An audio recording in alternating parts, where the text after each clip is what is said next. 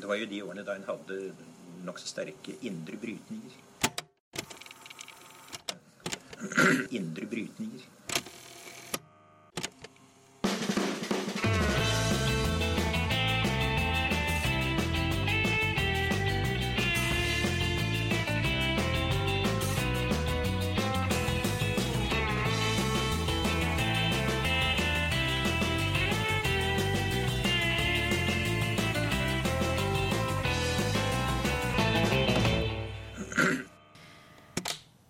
Velkommen til Noen har snakket sammen. Mitt navn er Tiril Rystan Halvorsen. Og jeg heter eh, fremdeles Aksel Fjellavli. Eh, Da er vi tilbake etter eh, påske, og tiden bare flyr. Vi nærmer oss 1. mai. Yep. Så i dag skal vi snakke litt om det. Ja, Eller- det, er jo, det er jo et av liksom, de store slagordene til arbeiderbevegelsen alltid. har jo vært sånne ting som arbeid til alle, jobb nummer én, og hele folket i arbeid osv. Så, videre. så nå skal vi snakke litt, eh, litt om det, rett og slett. Er det, er det mulig med arbeid til alle? Ja, vi får eh, Fafo-forsker Jon Erik Dølvik i studio for å gi oss en liten eh, status på arbeidsmarkedet. Og så fortsetter vi turneen i landet. Jeg har vært i Bergen. Det er riktignok noen uker siden, men vi, ja, da tok jeg en prat med kommentator i Bergens Tidende, Morten Myksvold. Men først altså litt om arbeid. Eh, Jon Erik Dølvik, eh, sosiolog og forsker ved Fafo, velkommen hit. Takk for det. Vi har jo snakket om at det er 1. mai og, eh, snart, og er ute etter å se litt nærmere på hvordan det arbeidsmarkedet vi har i Norge ser ut i, i dag, da, i, i mai 2019, og hvordan det har utviklet seg de siste årene. Og det, dette er jo noe av det du forsker på. Eh, så jeg lurte på om du kunne gi oss en liksom sånn kort status på det arbeidsmarkedet vi ser nå. Ja, Hvis vi tar det store helikopterblikket, så er jo det norske arbeidsmarkedet blant de mest eh, vellykte og privilegerte, kan man si, i både vår del av verden og verden som helhet. Vi har lav arbeidsledighet. Eh, målt ved spørreundersøkelser nå 3,7% eller noe sånt. Det er noe av det laveste i Europa. Eh, og vi har høy sysselsetting. Altså andelen i arbeidsdyktig alder, det man kaller sysselsettingsraten, har i alle de nordiske land, og spesielt i Norge, vært høy de senere år. Men der har vi sett eh, at det har gått litt nedover siden de siste ti årene, faktisk. Sånn at vi nå er passert ganske grundig av Sverige de siste ti årene. Og vi har sett en utvikling i det norske arbeidsmarkedet som har vært eh, litt eh, bekymringsverdig. Hvor i en fase hvor mange land har hatt eh, vekst, økende sysselsettingsrater, så har det i Norge gått litt omvendt. Så det er jo en ting som er verdt å dvele litt ved. Ja, for det er ikke sånn at selv om arbeidsledigheten er lav, så betyr det at veldig mange er i jobb. nødvendigvis. Nei, arbeidsmarkedet er jo en mangslungen eh, sak. Det er jo ikke en statisk størrelse, en kake hvor det er et gitt antall jobber som deles på et gitt antall mennesker. Er, du kan se det nesten som et vassdrag, hvor det er mange bekker små, og hvor det er tilsig av folk og av jobber fra forskjellige elver og tilførselsbekker, og det er noen forskjellige Du kan tenke deg tjern og innsjøer hvor vannstanden stiger og synker. Så det er jo hundretusenvis av mennesker som beveger seg inn og ut av arbeidsmarkedet i Norge hvert år, og mellom sektorer og mellom jobber, sånn at disse enkelte målene som vi har en tendens til også å konsentrere all diskusjonen om, hvor høy er ledigheten og hvor mange er i jobb, det er jo bare en, det er på en måte halen på dyret. Eh, for å bruke en annen metafor, da. Eh, Og de kjernene du snakker om da, det Ja. handler om det er studenter, folk på dagpenger, ja. sykemeldte osv. grupper, Ja. ulike, de, ulike sektorer, kunne man tenke seg. Eh, men det er jo sånn at uh, arbeidsstyrken, den består av de som er i jobb, pluss de som søker arbeid. Både de som søker jobb uten å være registrert som arbeidsledige, men, eller som ønsker å komme seg inn i arbeid. Eh, og sysselsettingsraten, som er et annet begrep som brukes mye, det er da andelen som har en jobb, målt i forhold til alle som er i den aldersgruppa som vi regner som arbeidsdyktig alder. Så det er et litt annet mål igjen.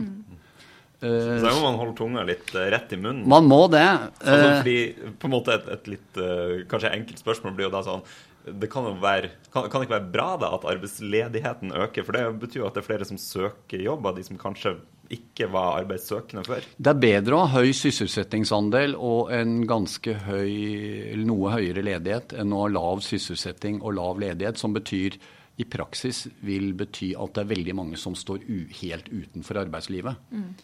Eh, Sverige er jo en sånn situasjon i dag. De har høyere sysselsettingsandel. altså Det er flere i arbeidsdyktig alder som, som har jobb.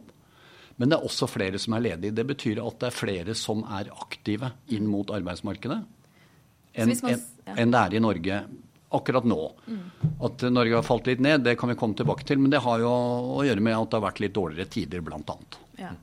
Og akkurat det med hvordan det går på arbeidsmarkedet, blir jo ofte gjenstand for sånn politisk eh, dragkamp. Eller det, det politikere peker på det som på en måte en suksess, da, hvis arbeidsledigheten faller, f.eks. Men Ja. det du sier, er at det tallet i seg selv ikke kan si så mye. Det er heller størrelsen på arbeidsstyrken da, som, eh, som betyr mest. Det kan du godt si. Størrelsen eller omfanget av antallet jobber som skapes i økonomien. Og, og f.eks. så er det jo en del forskere som har kritisert eh, norsk arbeidsmarkedspolitikk eh, ved å si at eh, ja, vi har lav ledighet, men vi har den høyeste andelen som i, av voksne mennesker som står utenfor arbeidslivet og som er på trygd. Annet vi har en, en av de høyeste uføreratene, andelen som er uføre, i hele Europa. Og, og noen har eh, reist en diskusjon om er det uttrykk for på en måte en skjult arbeidsløshet. Eh, sånn at eh, på mange måter så når det gjelder helsetilstanden i arbeidslivet, så er nok sysselsetting det beste målet. Og, og man må se på når det gjelder de som ikke kommer i arbeid, da, som sliter med å få fotfeste i arbeidet, eller har falt ut eller risikerer å falle ut. Altså alle de som i Norge da beveger seg mellom ulike ordninger i velferdsstaten, arbeidsavklaringspenger, eh, venter på uføretrygd eller er på sykelønn, hvor vi også har en høyere andel enn våre naboland. Hvis du tar summen av alle de, så ligger vi ikke så godt an i Norge. Da har vi definitivt en jobb å gjøre for å få et mer inkluderende arbeidsmarked og klare å trekke flere av dem inn, så de kan jobbe noe, i hvert fall. Det, og det er en diskusjon som, som dette regjeringsoppnevnte sysselsettingsutvalget går veldig sentralt inn i. Hva kan vi gjøre for at flere av de som i dag går på velferdsordninger, kan komme seg inn i arbeid, arbeidslivet? Kanskje gradert, kanskje med litt hjelp, litt, eh, litt dytt og litt hjelp. At vi kunne gjøre det bedre.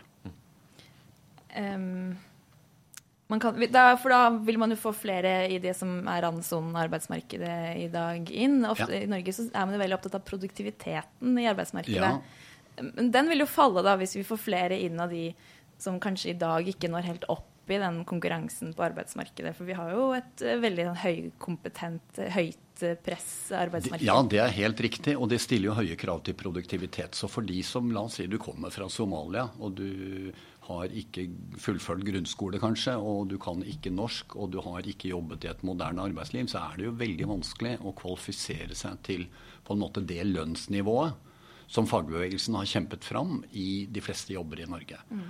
Eh, og, og eh, det er jo et dilemma vi står overfor. Det samme dette med jaget etter produktivitet. Det er litt misforstått, og det er også en del forskere ved Frischsenteret som har pekt på at det er ikke sikkert at det å liksom ensidig fokusere på at hver enkelt skal være mest mulig produktiv, at det er det som er samfunnsøkonomisk det beste. Fordi det kan bety at du skreller av veldig mange. Og hvis de bidro med noe, altså til en litt lavere produktivitet, så kan det hende at gjennomsnittsproduktiviteten samfunnsmessig likevel hadde vært høyere. Tyskland har vært eh, brukt som et eksempel på et land som har hatt veldig høy produktivitet, men lav sysselsettingsandel i mange år tidligere. Og det er jo en, en, eh, det er en modell som kan funke, kan man si. Forutsatt at de som ikke jobber da blir, eh, er husmødre eller har en, eh, en partner som er i jobb og, og tjener godt i en, godt fag, kollektivavtalt eh, industriarbeiderjobb. Det var typisk den tyske modellen. ikke sant? Hjemmeværende husmor, mann i industrien med god lønn og kjempehøy produktivitet. Men når vi er på vei inn i et tjenestesamfunn hvor det er færre og færre som sysselsettes i industrien Produktiviteten øker jo bare mer og mer. Altså Industrien i Norge og de nordiske land har mangedoblet produksjonen sin de siste 30-40 årene, men sysselsettingen har gått stadig ned. Altså Produktiviteten øker. Og hvis vi skal klare å ha full sysselsetting og arbeid til alle, som det står i Grunnloven til og med, ja. og som vi snakker om 1. mai, ja, så betyr jo det at vi må finne nye jobber i tjenesteytende sektor. Og det er akkurat det vi har gjort de siste 50 årene. En voldsom vekst i tjenestesysselsetting. Men den er eh, som regel mindre produktiv. Og Derfor har også produktivitetsveksten gått ned. Så vi må ikke stirre oss blinde på dette med produktivitet. Jeg tror det er viktigere å få flere inn i flere med. Alle skal med, som han uh, sier 1. mai. Og, og, og, at alle, hvis alle kan bidra med sitt, så er det et lite bidrag til det store, til det store skippertaket eller den store dugnaden. Så vi må tenke mer sånn, og det er nok litt i den retningen som sysselsettingsutvalget sier, at hvorfor skal folk være om du har eh, problemer med en rygg eller har en litt eh, skjør syke. Det er ikke sikkert det beste er å være 100 utafor arbeidslivet. Det hadde kanskje vært bra for deg om du klarte å jobbe tre dager i uka en god uke og to dager en annen uke. Det var jo tross alt et bidrag, det òg. Eh, men da kan vi kanskje ikke kreve at de er 100% produktive heller de to-tre dagene de er på jobb.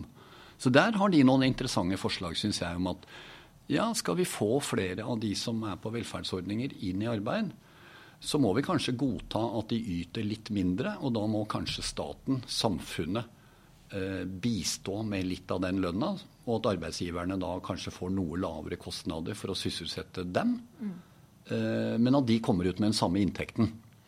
Det tror jeg er en tenkning vi må gå lenger, eh, lenger langs og som en del naboland av oss har gjort mer av enn det vi har gjort i Norge de senere år. For i Norge har jo gått, allting gått så himla bra med alle oljeinntektene og alt mulig at vi har, vi har, jo på en måte vært litt bortskjemt. Men nå er vi litt inne i et litt mer krevende terreng. Mm. En, eh, en, ting er at mange er i, i jobb. En annen mm. ting er jo hva slags type eh, både jobber, men også stillinger de har. Er det ufrivillig deltid? Er de midlertidig ansatt? Korte kontrakter? Jobber i mm. bemanningsbyråer? Altså, går det an å si noe mer om, eh, om midlertidighet og hvor stor den er i norsk arbeidsmarked? Ja, det går an. Og, og, det har vi forsket mye på på Fafo. Eller kollegaene mine, er det riktigere å si. Så dette veit vi mye om. Uh, og det som er litt overraskende, er uh, For vi, vi, er jo alle påvirket av denne diskusjonen og frykten for at vi er på vei inn i et arbeidsliv som blir mer fragmentert, mer løsarbeideri, mer midlertidighet osv. Men hvis man ser på de lange linjene og de lange tallene, i hvert fall ut fra den offisielle statistikken, de tallene vi har, så har dette endret seg forbausende lite de siste 10-15 årene. Andelen midlertidige er i dag Eh, omtrent som den var for ti år siden. 8-9 eh, Det er halvparten av det det er i Sverige, hvor de har hatt en mye mer liberal lovgivning. Sånn som kanskje Erna og co. ønsket seg mm. i 2013, men ikke helt turte å gjøre. For der har de en dobbelt så høy andel. Så det er klart reguleringer betyr veldig mye her.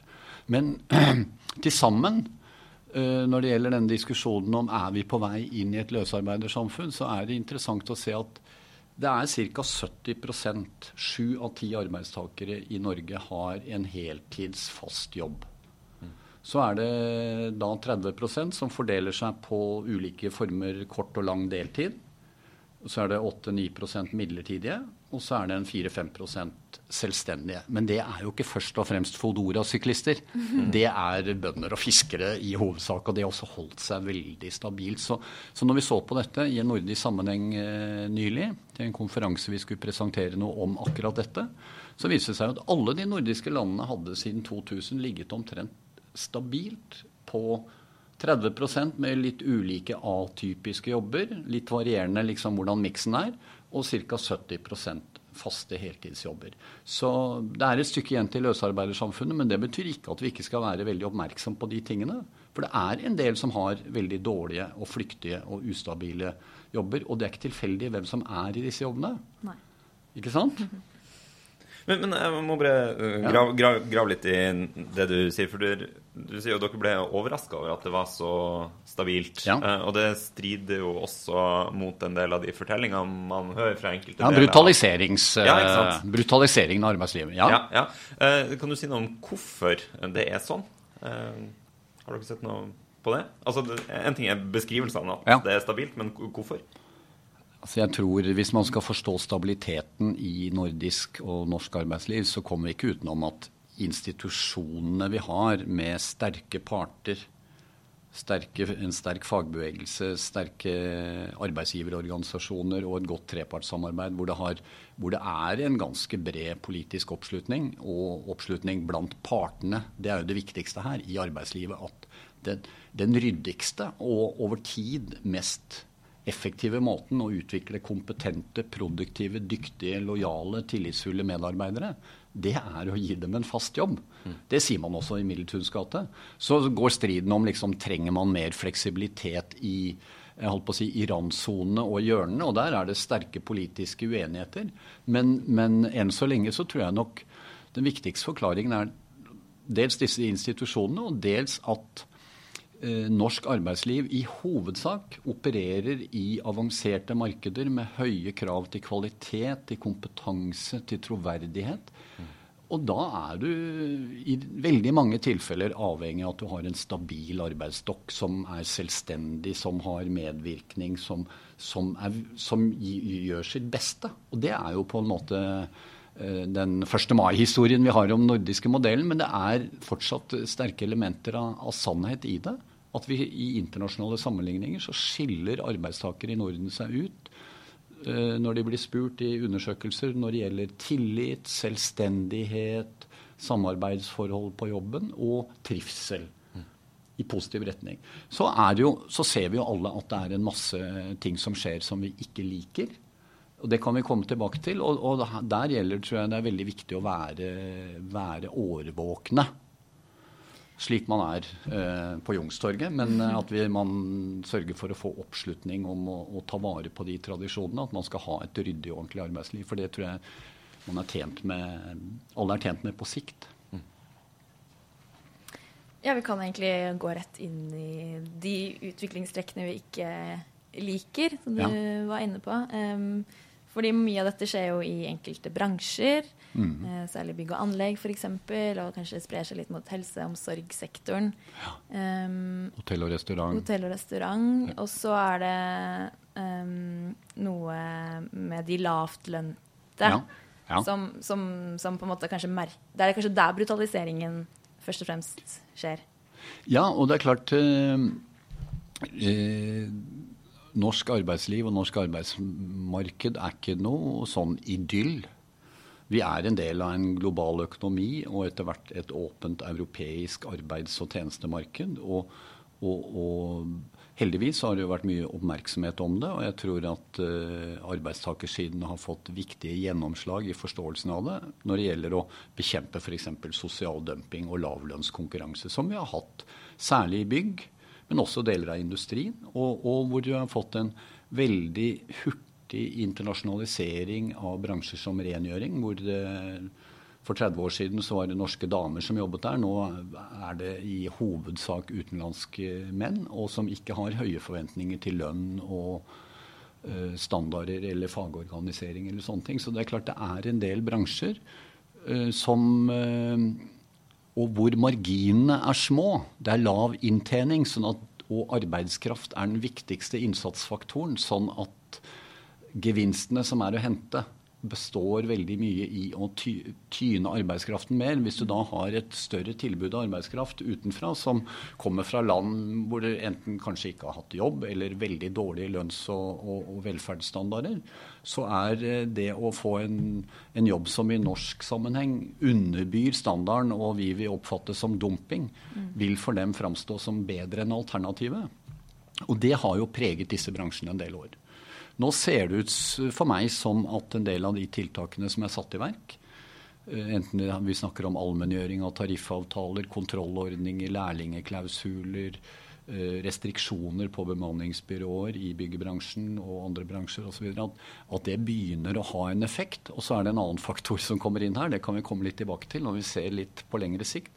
Så ser det ut som at rett og slett befolkningsutviklingen i Europa hvor det blir flere gamle og dermed færre arbeidstakere, gjør at uh, kanskje kommer uh, at mobiliteten inn i Norge, arbeidsinnvandringen, har flata ut. Den har faktisk gått ned.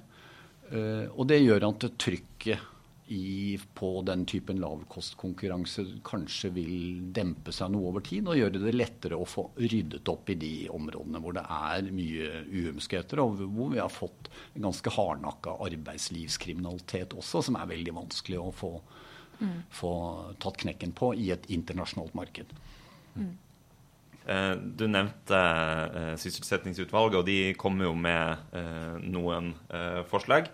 Men jeg lurte på om du kunne si noe om hvordan politikk er det som kan gjøre noe med eh, trygghet til jobb, på en måte? Altså gjøre noe med eh, andelen som har et arbeid? Det er et sum av tiltak som skal til for å løse arbeid til alle utfordringen. Og det har det for så vidt alltid vært. Og der er jo en fordel vi har i Norge og i Norden at vi har et ganske rikt virkemiddelapparat, men det må fornyes og oppdateres. Og, og det trengs samarbeid mellom alle partene. Altså, man får ikke til dette hvis ikke arbeidsgiverne er med. Man får ikke, arbeidsgiverne vil neppe være med hvis ikke staten legger til rette for at du skal ansette en som kommer fra arbeidsavklaringspenger istedenfor å hente en frisk og rødlig polakk. Og, ikke sant? Det er noen valg som har kommet. sånn at her må både samfunnet og partene legge til rette og, og tenke, tenke, at det er, det er, et stort mangfold av tiltak som trengs i ulike deler av også livsløpet. Ungdommen er særlig utsatt når du kommer fra skole og skal inn i arbeidslivet. Der, hvis du trår feil der, så kan hele livet ditt gå skeis. Og havner du på uføretrygd eh, resten av livet, så koster det samfunnet million, mange titalls millioner. Hvis man en liten dytt og litt ekstra innsats der, så å få folk inn på et spor hvor de kommer eh, og føler at de mestrer, så er det en enorm samfunnsmessig gevinst. Og i den andre enden Vi blir jo flere eldre, og i, min generasjon flere og flere. Og, og, hvis vi skal klare å holde sysselsettingen eh, oppe så vil det kreve at flere eldre jobber. Og der trengs det jo også tiltak som man ikke liksom enten står på og jobber til det stuper og bæres ut. Eh, eller havner på uføretrygd, som veldig mange gjør i helse- og omsorgssektoren. Det er ikke mange kvinner eh, som står til pensjonsalder der, eller i byggebransjen. Altså at, man, at vi også må bli flinkere til å tenke på hvordan 60 pluss kan klare å stå i arbeid og kanskje kan tilpasse jobbene sine litt både når det gjelder arbeidstid og arbeidsbyrde, sånn at uh, vi kan få en, um, en uh, produktiv, men også lykkelig avslutning av arbeidslivet, og at den kan vare litt lenger. Så jeg tror ikke det er noe Jeg begynner å tenke på dette her. 65 snart, ikke sant. Men uh, jeg tenker det er et uh, greit uh, sted å, å, runde av. Uh, og vi kan vel kanskje konkludere med at hele folket i arbeid er et slagord som ikke er klart for pensjon riktig ennå. Um, så får vi bare si tusen takk for at ja, du kom. Jeg tror det er godt både for folket og den enkelte og for samfunnet.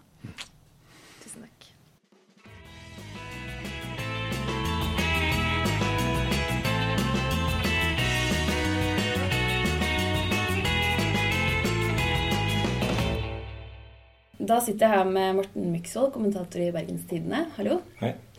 Eh, vi prøver å få med oss eh, stemningen rundt omkring i landet, så jeg har tatt turen til eh, Bergen. Og ikke bare det, dere har jo et nytt fylke. Vestland, Hordaland og Sogn og Fjordane er slått sammen til et fylke. Ja.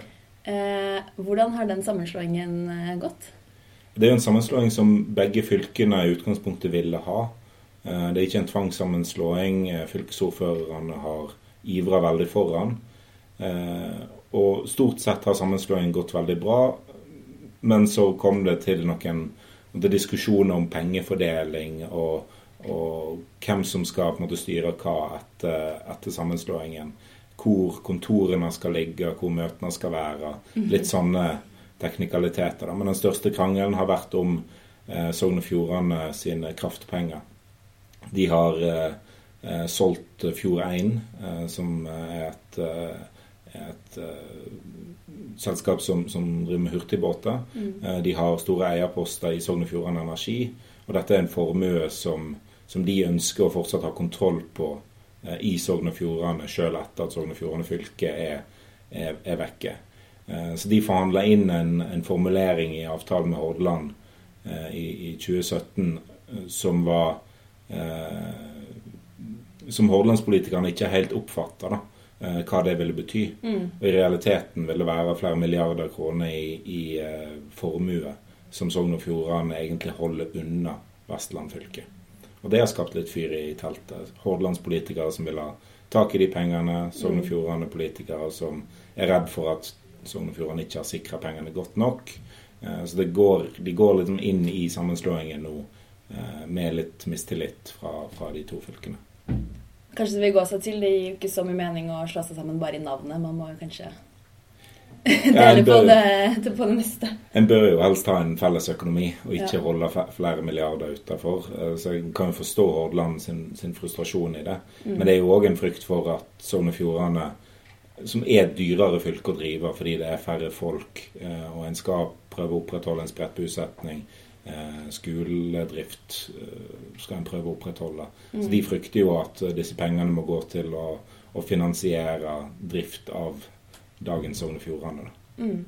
Hva slags saker er det som blir viktige for Vestland i det valget som kommer? Altså, mange, i, i, mange kommuner så, så, vil nok vindkraft være veldig viktig. Vindkraft. Ja, det, det, pågår en utredning fra, fra, NVE på å se hvor det er mulig å bygge ut vindkraft i Norge.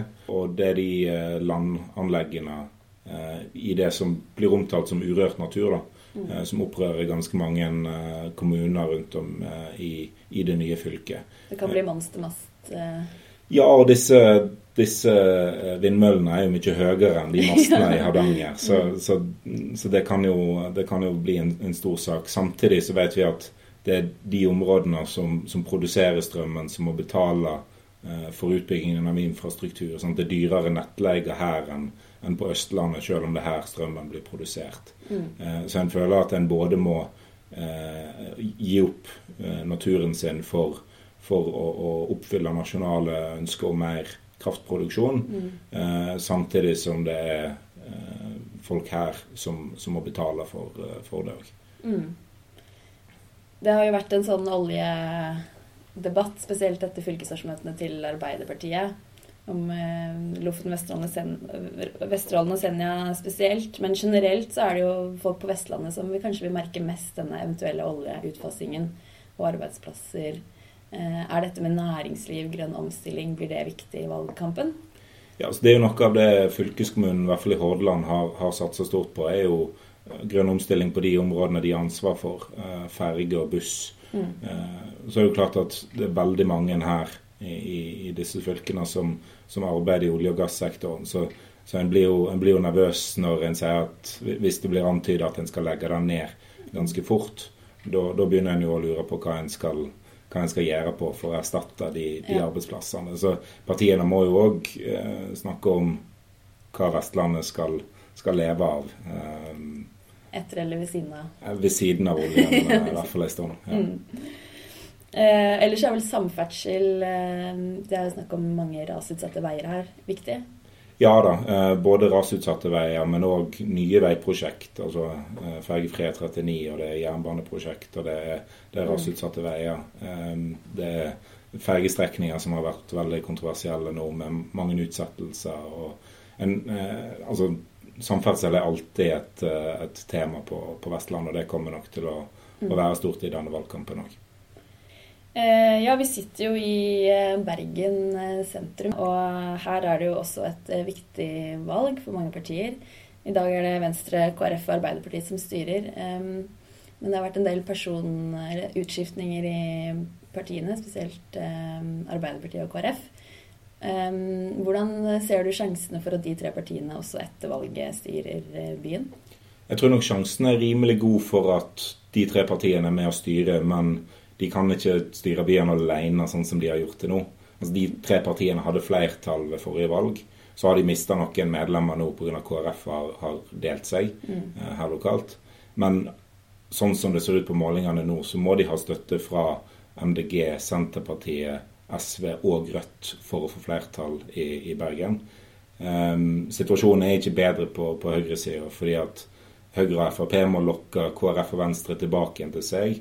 Uh, det blir vanskelig nok. Um, KrF og Venstre er nok veldig fornøyd med å samarbeide med Arbeiderpartiet. Men sjøl hvis de klarer det, så, så er ikke det nok til å, å få flertall. Og det er bråk på, på høyresida òg. Bergen Frp har hatt eh, noen store konflikter den siste tida der de forsøkte å kaste gruppelederen, f.eks. Eh, nå bare noen måneder før valget. Mm. Og hvilke saker er det som vil bety mest i Bergen? tror du? Det virker som om bybane og bompenger blir liksom den store mm. saken som i år òg. Ja. Eh, altså det, det, nye av, av, året er at det har kommet et, et bompengeparti, et antibompengeparti, eh, som, eh, som, er inne på noen av målingene i, i bystyret. Eh, samtidig så er det jo sånn at utviklingen i Bergen går i den retningen at flere ønsker å bruke bompenger på kollektivtrafikk. Eh, biltrafikken går ned, kollektivbruken går, går, opp. Så det går jo i den retningen. Men det er, det er deler av, av, befolkningen i Bergen som er veldig opptatt av, eh, av bybanebompenger. Så er det opp til de andre partiene å prøve å få valgkampen til å handle om noe mer enn eh, det vi har hatt valgkamp om de siste gangene. Og hva, hva slags saker kan det være? Arbeiderpartiet har jo prøvd seg på en, en, en gratisordning for skolefritidsordning f.eks. At de ønsker å, å utvide den eh, ordningen. Eh, de har òg eh, forsøkt seg på et, eh, et utspill om, om, rimeligere kollektivtrafikk i, i rushtid. Eh, Venstre vil, vil, bruke del av kommune, eh, kommunekassen for å holde bompengene nede, og på den måten kanskje få tid til å snakke om andre tema. Det mm. er masse om lokal luftkvalitet fra, fra cruisetrafikken eh, som blir tema. Mm. Eh, skolebygg og, og, sånne ting er jo òg eh, relevant. Altså det pågår fortsatt store rehabiliteringsprosjekt i Bergen. At eh, det vedlikeholdsetterslepet som, som har eh, som egentlig ble avslørt før dette byrådet ble trådte til, ja. eh, som har ført til enorme investeringer. så det er jo òg et tema som, som jeg tror de vil snakke om. Eh, det dette byrådet, sentrum-venstre-byrådet som, som, er i dag, gikk til valg på, var jo en, en bedre kommuneøkonomi i Bergen. Eh, det har de klart? Det har de klart. Altså, de har levert milliardoverskudd nå noen år på rad. Eh, de begynner jo til og med å få litt kritikk for at de går med for masse overskudd. Ja. men det er nødvendig, det som har skjedd. Altså, Bergen var nok ikke så ille ute som, som Arbeiderpartiet prøvde å få det til i, i forrige valgkamp. Uh, men en hadde en veldig voksende gjeld, og en trengte, trengte noen større overskudd og få litt kontroll på utgiftene. og det, det har de i hvert fall klart til nå. Det blir spennende å følge valgkampen både i mange kommuner her. Er det noen sammenslåtte kommuner som skal gå til valg første gangen nå?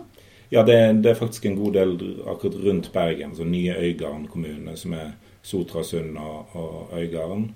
En har eh, Os og Fusa, som har slått seg sammen til Bjørnefjorden. Og en har eh, al, nye Alver kommune, som er eh, Lindås, Mæland og Radøy, som har slått seg sammen. Så det er noen ganske store kommuner rett rundt, uh, rundt Bergen. Og så er det jo flere andre. Altså Voss har, har utvida, og det er noen store sammenslåinger òg i Sogn og Fjordane. Mm. Det blir mye nytt å følge med på, da. Det blir det. Mm. Tusen takk for at du tok deg tid til å ta imot oss. Det var kjekt. Dette klippet her det ble jo uh, tatt opp for, uh, for, noen uker siden. Um, og det har jo skjedd litt i Bergen siden det, Tiril. Kan ikke du gi en liten uh, roundup på hva som Morten ikke sa? Ja, ja er, jeg tenker meg om faktisk mer enn et par uker. Men mye står seg. Det som har skjedd, hvis man bare skal ta noen kjappe høydepunkter eller de viktigste tingene er jo bl.a. at denne uka så gikk eh, byrådsleder for Arbeiderpartiet, Harald Schjelderup, av.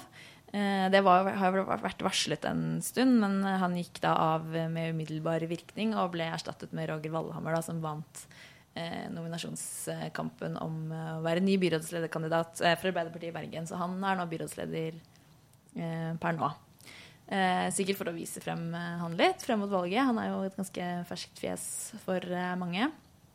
Eh, han nevner jo også dette by, nei, bompengepartiet. Han sier at de så vidt er inne på målingene. Det stemmer ikke lenger. For forrige måling fikk de 17% i Bergen. Eh, noe som kan jo endre maktbalansen potensielt sett. Det er ganske jevnt mellom Mm. Bergen har jo også en historie for sånn lokal liste, altså denne byluftslisten. eh, har Ja. jo eh, vært eh, i bystyret en stund, så dette Ja. du har du fått en liste med motsatt fortegn. Ja, sant. De som er for og mot byluft. Ja.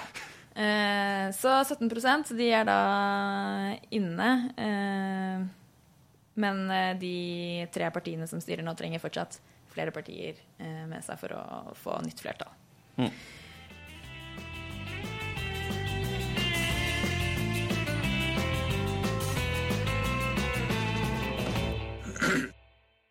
Har du noe å anbefale før vi avslutter? Eh, jeg tenkte anbefale en podkastepisode. Den siste fra Hidden Brain. Episoden heter 'Why No One Feels Rich'. Eh, og det er med Keith Payne, eh, denne forfatteren som skrev den eh, boka 'Følelsen av forskjell', som ble gitt ut på Respublika tidligere i år. Som beskriver denne relative forskjellen og hva det gjør med folk, og hvordan det ikke nødvendigvis er misunnelse, men skjuler noen reelle urettferdigheter. Da. Så ja, fin episode. Mm. Og hva med deg? Jo, eh, jeg tenkte å anbefale en reportasje vi hadde på trykk i Agenda Magasin i påsken. Eh, den heter 'Nussir en bygdestrid', eh, som eh, tar for seg denne, denne konflikten rundt den uh, gruveutbygginga og eventuelt et, et sånn sjødeponi i Repparfjorden. Og ulike perspektiver fra folk som jobber som fiskere, og med ordføreren og ja, greier og greier. Video og bilder og hele pakka. Det var det vi hadde for denne uka. Så ses vi igjen om ei uke. God 1. mai.